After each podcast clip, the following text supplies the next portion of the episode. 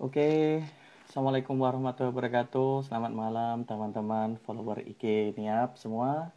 Sebelumnya eh, perkenalkan saya Muhammad Muklas, alumni Niap tahun 2012 yang pada malam hari ini akan menjadi host bincang-bincang santai ya.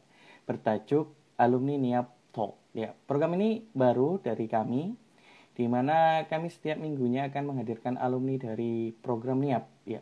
Bagi teman-teman yang belum tahu NIAP itu, NIAP adalah sebuah program uh, program magang dengan kepanjangan NTCA Indonesia Australian Pastoral Program. Sebuah program magang uh, bagi sarjana peternakan di peternakan Australia selama kurang lebih tiga bulan. Jadi program alumni NIAP ini akan mengulas kiprah alumni program NIAP yang sudah berjalan hampir satu dekade yang untuk keberangkatan tahun depan. Mungkin karena pandemi uh, jadi keberangkatan uh, tahun ini agak ditunda ya. Semoga pandemi ini cepat selesai dan program NIAP uh, akan berlanjut uh, kemudian hari.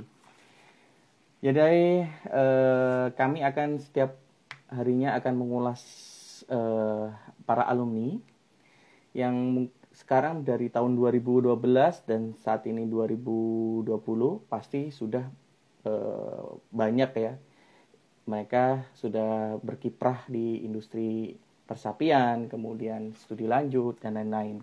Jadi kami akan mendatangkan kita mengulas uh, kesibukan para alumni ini untuk memberikan inspirasi kepada teman-teman uh, khususnya untuk uh, sarjana-sarjana peternakan muda di seluruh Indonesia. Jadi nanti untuk uh, live hari ini kita akan uh, convert ya, dikonversi menjadi podcast juga, kemudian kita upload di IGTV dan juga tidak lupa kita upload di IG uh, di YouTube ya. Jadi teman-teman jika mungkin ada ketinggalan informasi uh, bisa mengikuti. Dan pastinya sangat menarik karena banyak sekali nanti dari teman-teman yang menginspirasi banyak topik yang akan kita bahas mulai dari beasiswa, kemudian tentang ilmu dan pengetahuan serta pengalaman di industri uh, persapian di Indonesia. Jadi ini sangat-sangat memberikan manfaat bagi teman-teman sekalian ya. Oke, kita nanti akan menunggu guest kita uh, malam ini. Nanti kita akan uh, ulik beliau apa kesibukannya, kemudian apa saat ini yang akan dilakukan. Jadi nanti teman-teman jika ada uh, yang ingin disampaikan atau akan dipertanyakan, nanti tolong ditulis di kolom komentar ya. Kita nanti akan tanyakan ke beliau gitu oke kita tunggu dulu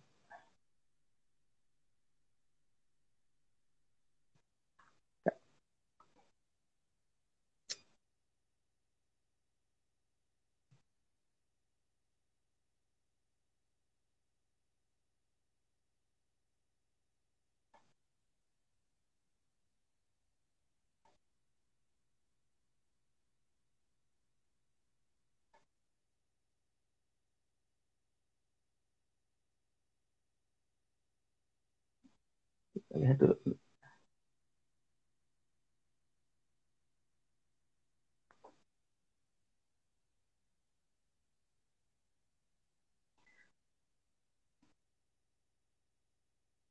Oke, kita tunggu dulu. Oke.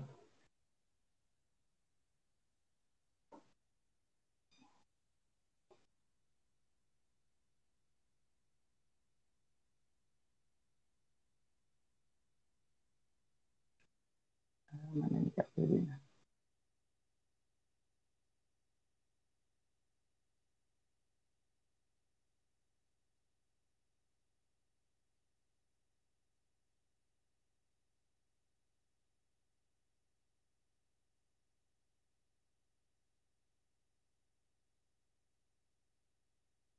Oke, Kak Febrina bisa masuk.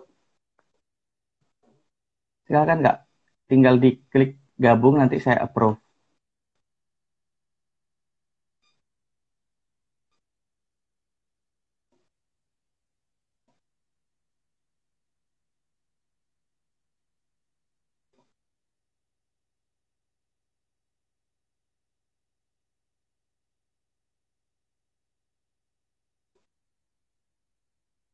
Oke, Kak.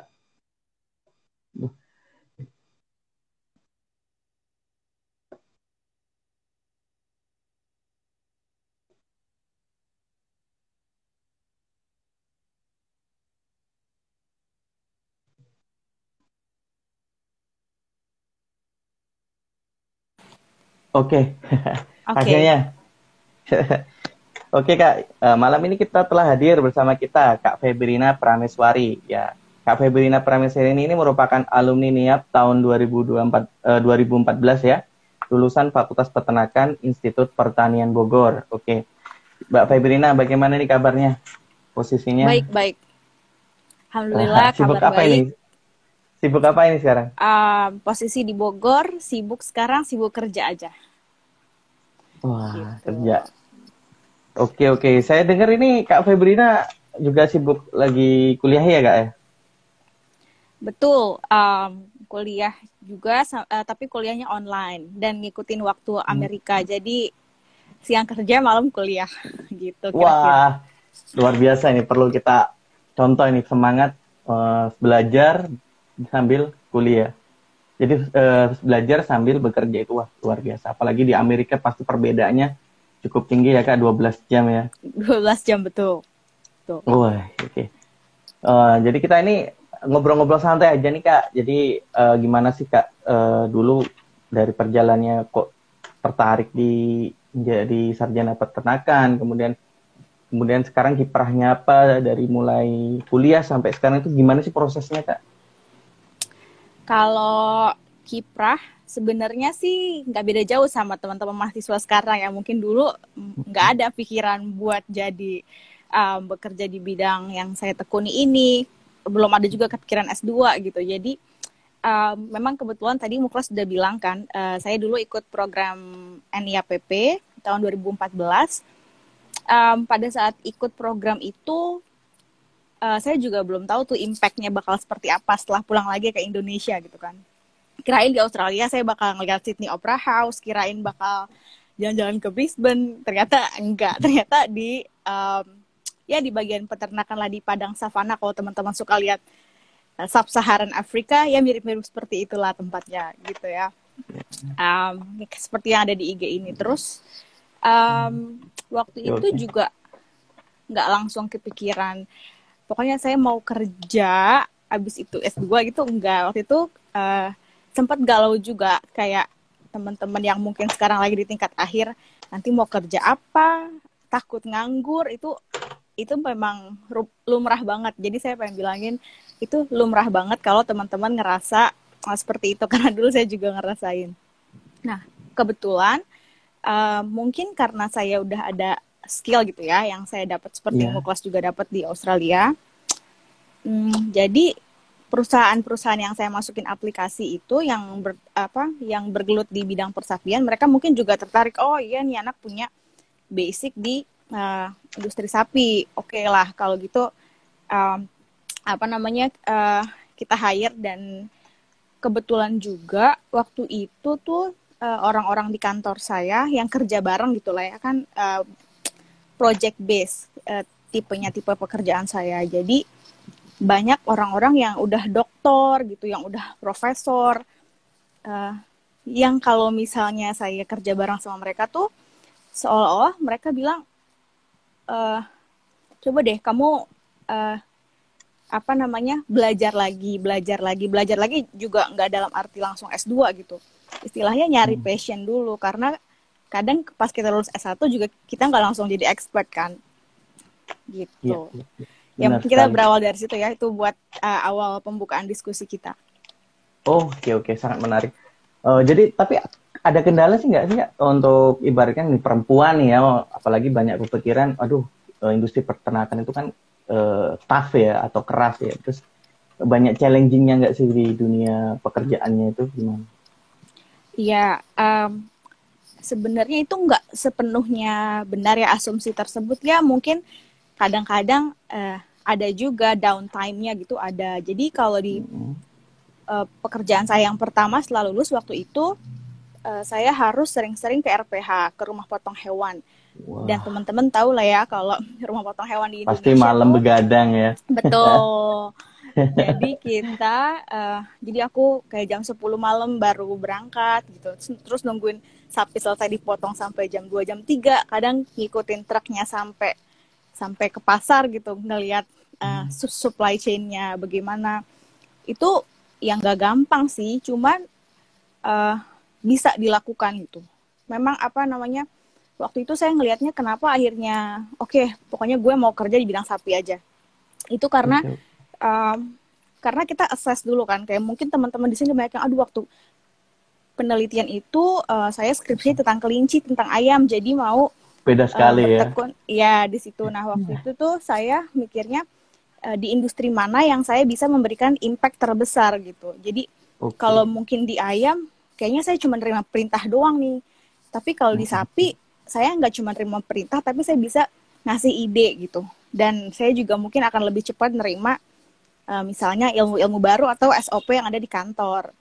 Seperti itu. Jadi mungkin kalau uh, apa ya salah satu advice juga nih buat teman-teman peternakan yang masih pada kuliah kira hmm. mungkin di sambil di uh, ya nggak usah ditentuin sekarang cuman sambil dipikir aja sambil pikir nyantai gitu kira-kira di bidang mana ya yang saya bisa ngasih kontribusi terbesar gitu oh, iya. bah keras memang uh, itu ya uh, memang perjuangannya luar biasa ya untuk perempuan untuk bekerja di industri peternakan ya hmm. itu pesannya jadi kita bisa mencontoh nih uh, Kak Febrina bagaimana toughnya. Apalagi dulu saya pernah itu kerjasama dengan salah satu tem pernah bekerja sama dengan Teh Febrina dan bilangnya, wah Febrina itu kalau di lapangan luar biasa. Wah katanya Smith ya. Oke, okay. uh, eh, lanjut nih Kak. Uh, masalah kedulu kan kerja di Niap ya. Awalnya kan kita tahu uh, awalnya pikirannya oh, bisa jalan-jalan ke Brisbane, kemudian ternyata diterapkan uh, di niat ini ternyata kita magang bekerja ya, wah bekerja kan susah, apalagi perempuan. Nah, setelah program itu ada manfaatnya nih kak, ketika setelah bekerja di Australia melihat keadaannya, apa manfaatnya ketika lulus itu pak, uh, kak ada manfaatnya di mental nih nggak gitu? Kalau sebenarnya kalau untuk yang Muklas bilang tadi mental itu ada banget ya. Mungkin semua hmm. alumni di sini juga bilang uh, impact yang pertama itu di mental. Pertama uh, kalau bahasa sekarang mungkin kita jadi lebih satset satset gitu. Kita nggak ya, ya. kita udah nggak kenal lagi tuh yang namanya haho haho atau apa bahasa sekarang tuh kelar keler gitu ya. Itu kalau ya. karena nggak akan kepake kalau kalau di sana kerja seperti itu. Jadi mungkin mental yang dibawa ke sini benar tadi kelas bilang lebih tough terus lebih apa ya um, kita bisa assess gitu tentang safety terutama kayak misalnya uh, mau selfie sama sapi nih kita udah mikir dulu uh, dari sisi mana uh, aman nggak buat kita. Terus kita lebih care juga sama teman-teman kerja. Misalnya kalau kita lagi kerja udah selesai kerja cek semua udah orangnya udah lengkap belum? Ada temen yang kenapa kenapa nggak di belakang kita gitu. Jadi dan mungkin itu yang bener-bener bisa diambil gitu. Dan mungkin pas kuliah kita nggak nggak begitu diajarin ya. Kalau kalau pas magang itu di sana bener-bener ada SOP-nya gimana cara kita mentreat teman satu tim gimana cara kita memerhatikan ketika manjat 2 meter SOP-nya gimana manjat 3 meter SOP-nya gimana itu udah ada semua gitu okay, okay. terus ini kan ya uh, TV Brina ini kan sudah bekerja selama beberapa tahun ya uh, dari kelulusannya. Pasti sekarang posisinya kan sudah nyaman uh, di perusahaan dan gajinya juga pasti lebih tinggi. Terus kenapa kok mau ambil resiko S2 nih, Kak? Jadi apa alasannya sebenarnya? Oke, okay. I want to say hello to Krishna. It's my friend from Guatemala. I'm sorry. Krishna, oh. we're, we're using Indonesian tonight. Oke, okay, okay. So, Hi, yeah. Krishna. Gak apa ya, campur-campur dikit ya bahasanya. Uh, it's alright. ya, jadi alasan S2. Um, uh, dibilang nyaman juga enggak sih. Maksudnya um, nyaman itu kan kalau mungkin anak-anak sekarang mendefinisikannya sebagai sukses gitu ya. Tapi kalau yep, misalnya yep. kita kita udah kerja, nanti kalau teman-teman yang mahasiswa ini udah pada kerja, kalian akan tahu sukses itu nggak akan ada posisi namanya sukses gitu ya hmm, okay, okay.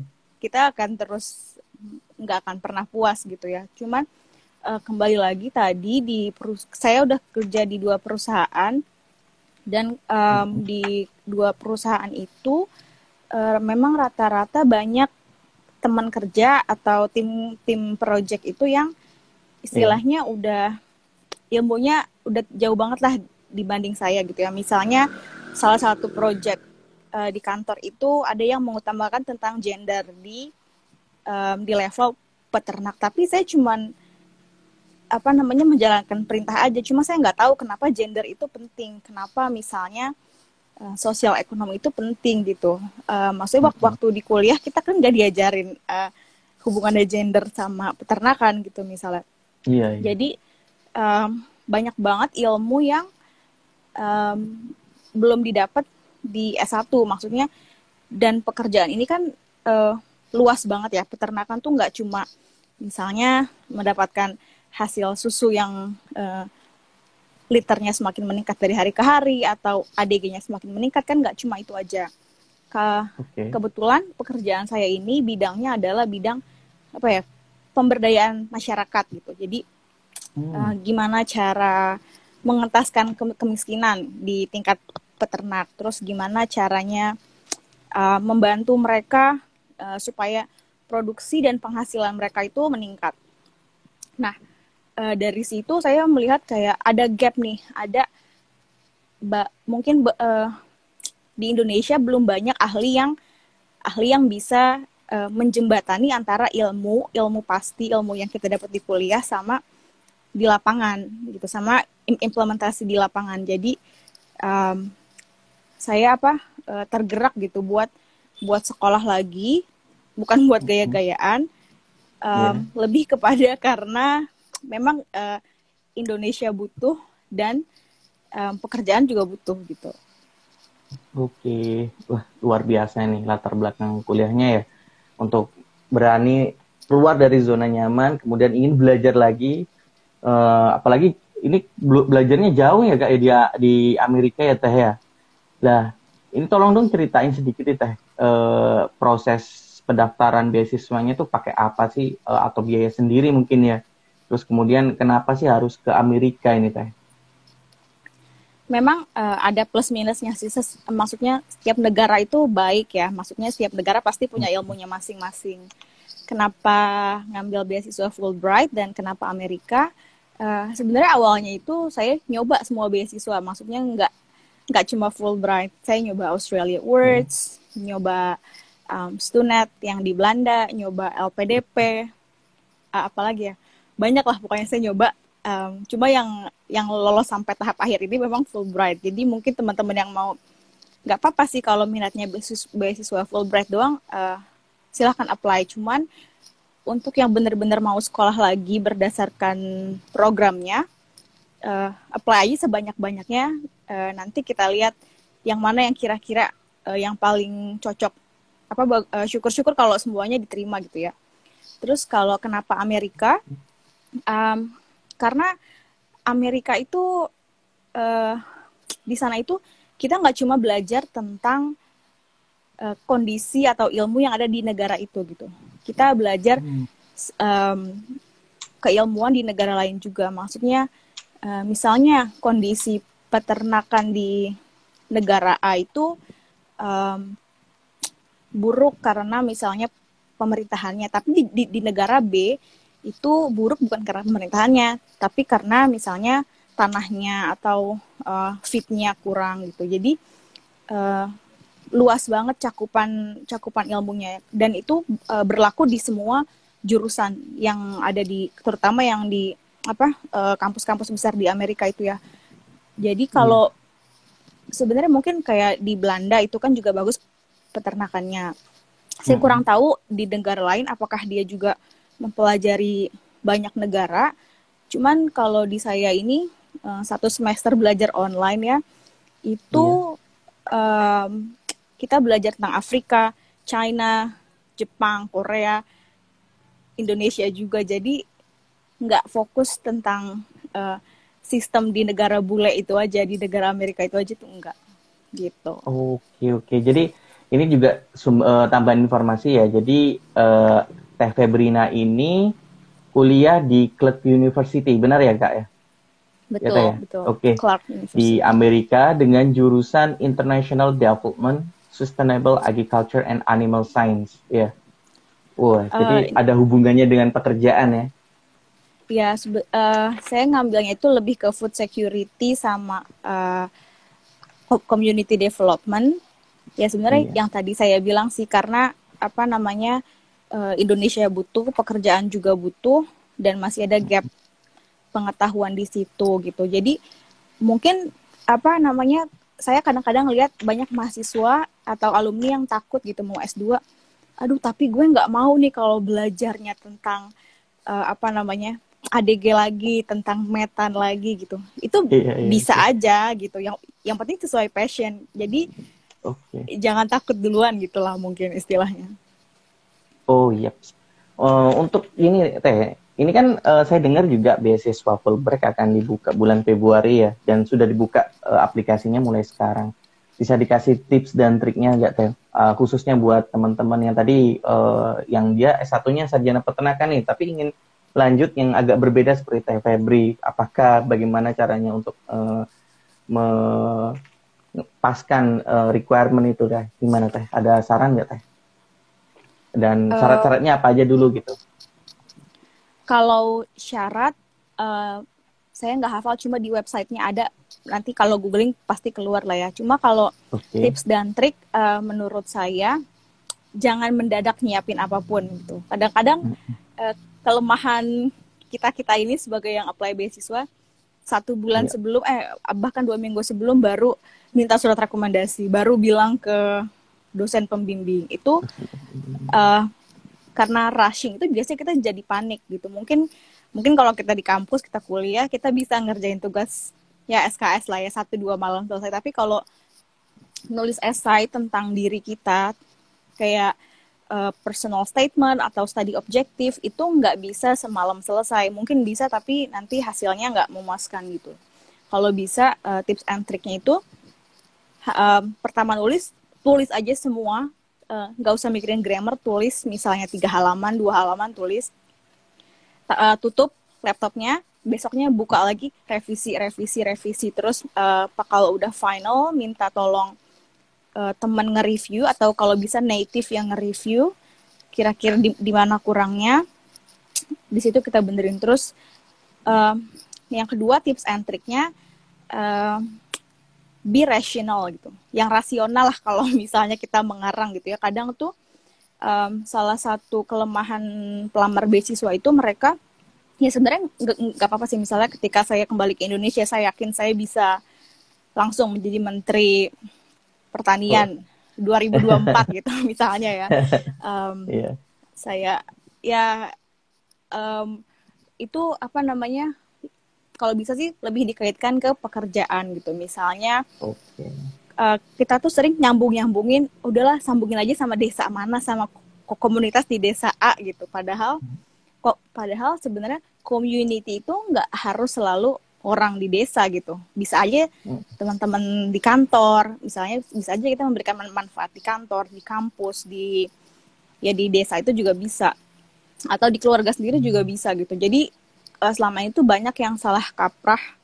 Um, kita harus ngarang, bikin esai yang isinya uh, berkontribusi untuk pedesaan. Padahal nggak nggak nggak selalu seperti itu gitu. Oke. Tapi nanti ada ibaratkan dari wawancaranya juga itu uh, apakah apa yang diulas nih kayak wawancaranya itu. Tapi untuk sebelum dijawab ini saya ingin uh, memberitahu untuk para teman-teman yang mengikuti IG Live ini, silakan jika ada pertanyaan untuk Teh Febrina mengenai beasiswa atau bagaimana tentang tadi uh, cerita dari lulus uh, NIAP, terus kemudian bagaimana manfaat dari program NIAP, uh, silakan langsung aja uh, klik di komentar, uh, tulis di komentar nanti kita akan bahas bareng-bareng. Oke, okay. Teh Febrina bagaimana tadi uh, pro, pas wawancaranya tadi ada yang diulik nggak? Masalah eh, pengalaman kerja dan lain-lain. Oh ya, jadi waktu wawancara itu um, yang panelisnya waktu pengalaman saya itu nggak spesifik dari bidang peternakan. Jadi satu dari profesor ilmu tanah kalau nggak salah, satu dari um, food technology dari apa namanya teknologi pangan ada lagi dari yang orang environmental science jadi di situ um, kita nggak ditanya misalnya rumus um, bahan kering menjadi bahan segar apa dan kebalikannya itu itu nggak nggak ditanya. Kita ya. akan um, ditanya lebih ke aplikasinya. Kan uh, biasa uh, kenapa kamu pilih program studi tersebut? Kenapa uh, apa namanya maunya di kampus tersebut gitu. Dan kira-kira apa yang bisa kita bawa kembali ke Indonesia? Dan mereka juga tanya sedikit tentang research gitu. Nanti ketika di sana mau fokusnya di mana gitu mau di bagian mananya. Walaupun di Amerika itu nggak wajib tesis ya tapi okay. kita mesti ngambil concentration gitu. Jadi um, apa namanya kalau di Indonesia mungkin seperti ada dosen pembimbing akademik. Jadi nanti kita dikasihkan dosen. Nah dari awal tuh sebelum kita terpilih mereka harus udah tahu kita tuh mau uh, fokusnya ke mana. Kalau yang S3 mereka harus bikin proposal penelitian tapi kalau S2 nggak nggak wajib Oh, gitu. gitu ya. Jadi untuk untuk beasiswa full breaknya apakah kita harus sudah memiliki universitas terlebih dahulu atau nanti setelah diterima kita baru daftar teh? Oh ya, ini juga penting nih. Jadi uh, bedanya Fulbright sama beasiswanya yang lain adalah um, kalau beasiswa lain mungkin pas kita nulis personal statement itu udah ada ya saya mau masuk kampus uh, Harvard misalnya. Saya cuma mau di Harvard doang. Pokoknya kalau nggak Harvard saya nggak mau uh, kuliah gitu saya maunya uh, di situ jurusan ini gitu. Nah kalau di Fulbright itu kita nggak menspesifikasikan kampusnya. Jadi di awal tuh kita uh, apa menspesifikasikan jurusannya atau program studinya gitu. Jadi um, nanti ketika kita udah lolos wawancara, kita baru dikasih uh, kesempatan untuk milih kampus dan milihnya nggak nggak cuma satu empat empat kampus. Jadi kita bisa pilih oh. empat kampus. Misalnya saya mau, oh yang pertama saya mau Cornell University, yang kedua mau Harvard, yang ketiga mau New York University itu boleh-boleh aja. Cuma um, yang perlu diingat adalah Fulbright itu ada batas maksimum beasiswanya. Jadi mungkin ini mau teman-teman kalau mau catat catat ya. Jadi maksimum hmm. itu Fulbright bisa kasih 35 ribu dolar untuk satu tahun. Kalau S2 berarti 35 ribu kali dua gitu. Nah, Cuma rata-rata di Amerika itu kuliah itu lebih mahal daripada 35 ribu dolar. Kadang ada yang sampai 50 ribu gitu kan. Nah, terus sisanya tuh gimana sisanya? Nah, nah, gimana tuh ya? Nah, gimana ya? Jadi kalau di Fulbright biasanya ketika kita udah pilih empat kampus, nanti dikasih tahu sama apa istilahnya kayak advisernya gitulah. Di Amerika nanti ada adminnya gitu, adminnya ada kantor admin Fulbright di sana. Nanti mereka akan nge-review dulu oh kamu mau kampus A tapi uh, dia harganya 40 ribu nih bukan 35 ribu. Uh, kita nggak tahu kampusnya punya beasiswa yang 5 ribu atau enggak. Kalau misalnya kampusnya nggak punya kamu harus nombokin sendiri gitu. Siap nggak? Kalau nggak siap uh, kita kasih pilihan kampus lain yang punya jurusan yang sama gitu. Jadi dikasih dikasih alternatif alternatifnya gitu. Dan uh, mungkin yang yang perlu teman-teman tahu juga kalau di Amerika itu nggak kayak di Indonesia gitu nggak uh, nggak yang kampus unggulan itu selalu bagus gitu ya. Kalau yang namanya nggak hmm. pernah didengar berarti nggak bagus gitu. Itu itu juga baru saya tahu ketika saya ikut Fulbright. Jadi uh, ternyata walaupun sah-sah aja kalau kita mau pilih empat empatnya Ivy League gitu boleh-boleh aja. Cuma mereka terkenal mahal itu satu.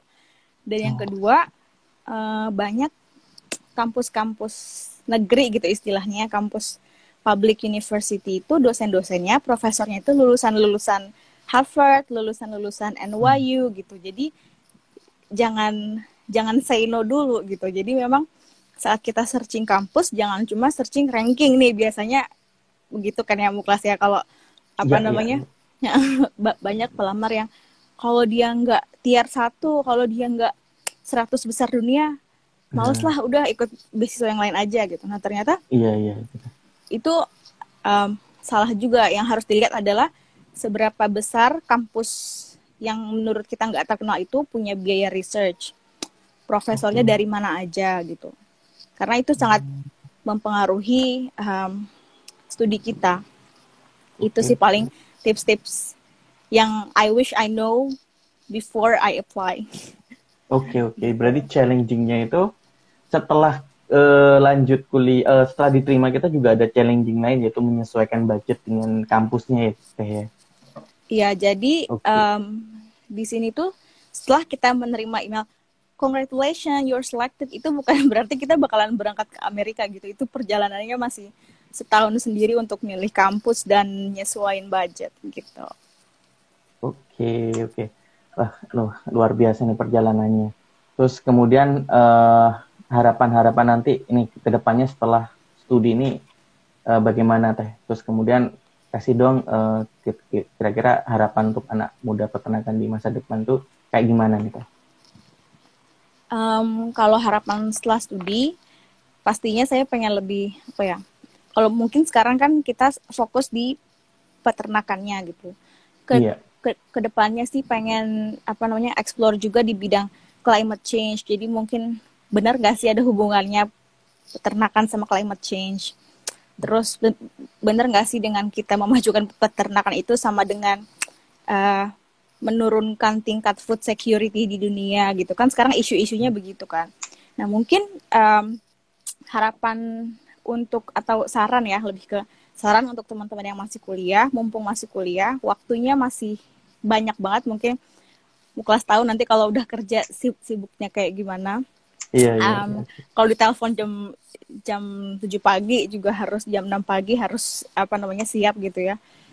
Uh, apa, apa ya lebih ke jangan pernah puas sih sama yang kita dapat di bangku kuliah gitu kalau okay. saya bisa ngulang waktu kuliah gitu mungkin kalau apa namanya nggak asal iya iya aja dulu. Dulu kan kita kayak kalau diajar dosen oh ternyata kayak gitu ilmu yang ada ya udah pulang uh, berangkat kuliah ngelihat slide ngelihat presentation terus pulang.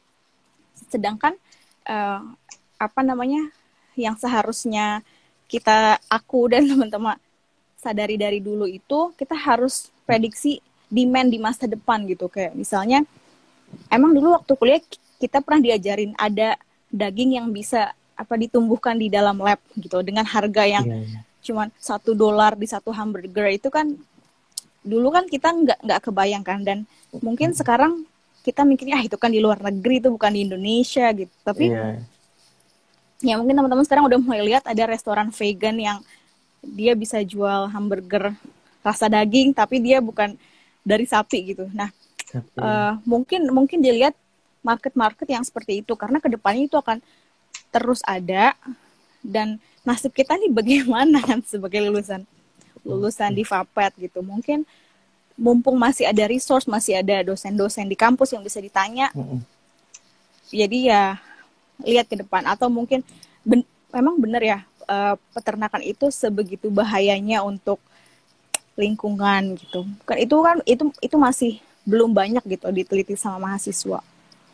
Okay. Karena nanti kalau udah kerja ya yang ditanya bukan rumus lagi kan, tapi lebih ke mm-hmm. eh bener nggak sih uh, wagyu itu sapinya tuh dipijitin setiap hari atau eh gimana sih ngelihat um, daging wagyu yang bagus sama yang jelek atau um, apa ya misalnya oh ya kalau aku ke pasar gimana cara bedain daging sapi daging kerbau sama um, daging babi misalnya itu yeah.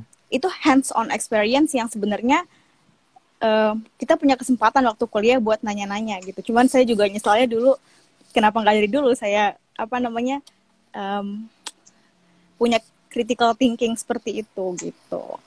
Oh, ya eh, kalau ini nih uh, kita ngomongin untuk studi lanjut. Sebenarnya itu untuk mahasiswa yang baru lulus nih untuk fresh graduate apalagi uh, yang baru wisuda ya. Uh, itu sebaiknya itu kita kerja dulu atau langsung S2 nih teh. Kalau dari persepsinya teh Febri. Kalau menurutku itu itu nggak nggak bagus sih nggak.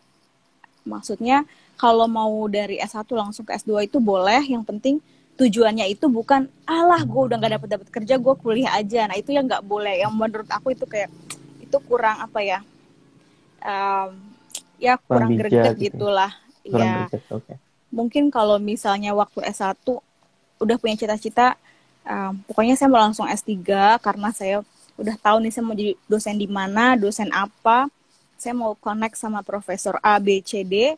Itu bagus banget karena dia udah tahu pas dia tuh apa jalan dia mau ke mana ke depannya. Tapi kalau S2 udahlah eh, S2 aja deh udah tiga bulan nih nganggur gitu kan.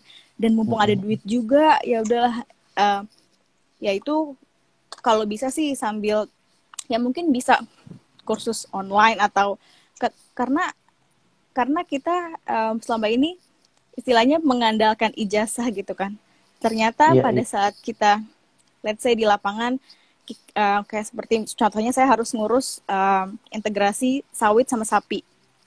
Nah, yeah. di situ dibutuhkan keahlian GIS yang orang Indonesia masih belum banyak kalau di bidang peternakan yang ngerti ya.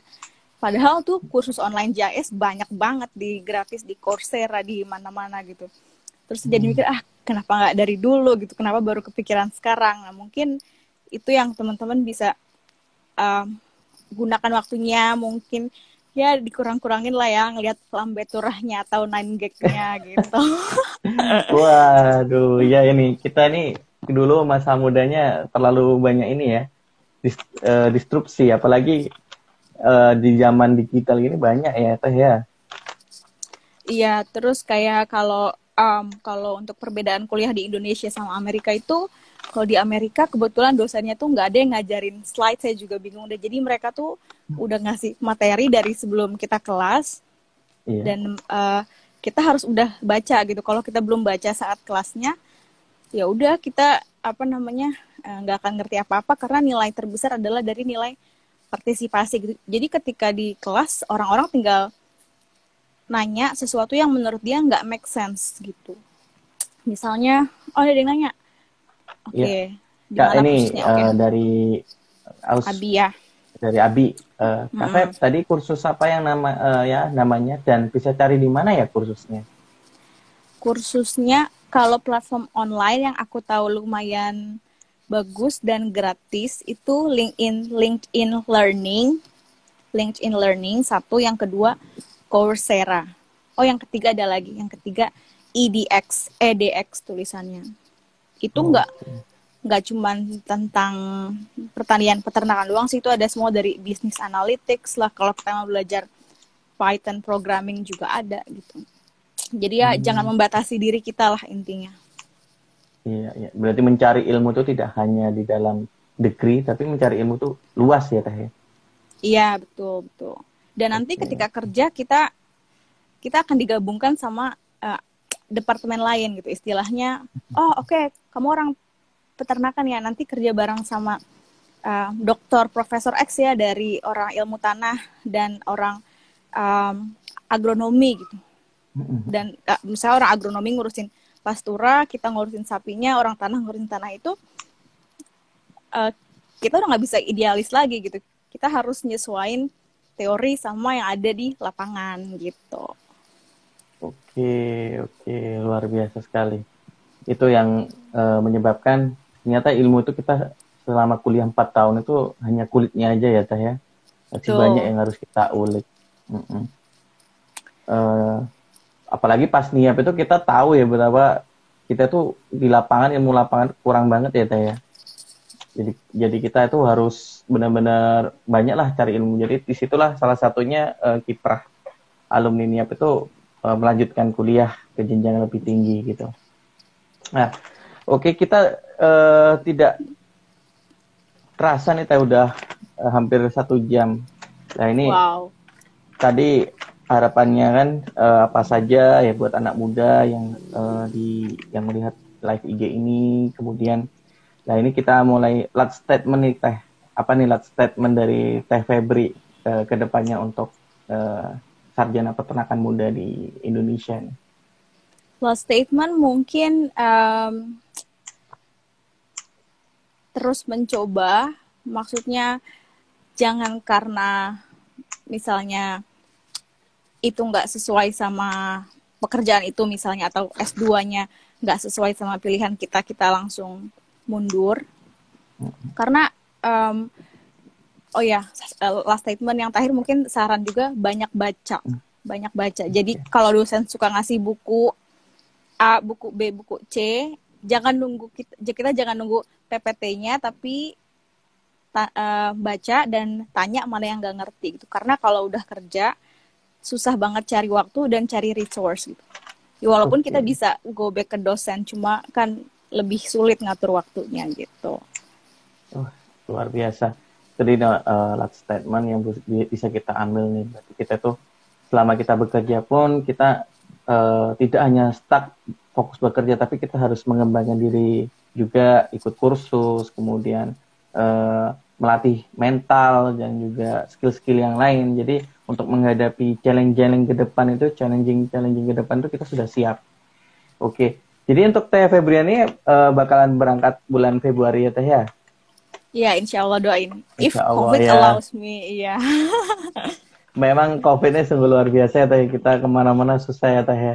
Betul. Apalagi kemarin penghalangnya ke kedutaan embassy ditutup ya Teh ya. Untuk karena kedutaan karena ditutup, ini ya. betul. Iya. Hmm, Oke. Okay.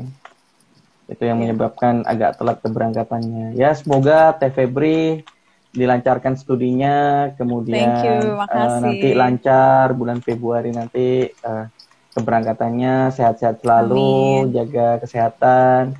Nah, terima kasih buat Teh Febri untuk meluangkan waktunya pada malam ini. Mungkin sibuk, tapi uh, demi sharing ilmu dan pengalamannya mau meluangkan waktu. Dan terima Sama-sama. kasih juga buat uh, teman-teman yang ada di IG ini uh, yang telah menyaksikan uh, alumni Niap Talk jadi alumni laptop ini saya ingatkan lagi uh, akan diadakan setiap akhir minggu. Uh, ini di sini kita akan mengulas semua alumni yang kiprahnya sudah uh, bagaimana kesibukannya seperti apa setelah program, kemudian bagaimana impact program itu kepada uh, para alumni ini dan harapannya uh, kiprah alumni ini dapat uh, memberikan inspirasi untuk para sarjana peternakan di Indonesia. Oke, terima kasih Teh Feb, terima kasih teman-teman. Terima kasih semuanya. Untuk, uh, live-nya saya ucapkan uh, selamat istirahat Teh. Sehat-sehat selalu. Terima kasih Yo, buat teman-temannya. Saya akhiri. Assalamualaikum warahmatullahi wabarakatuh. Waalaikumsalam warahmatullahi wabarakatuh.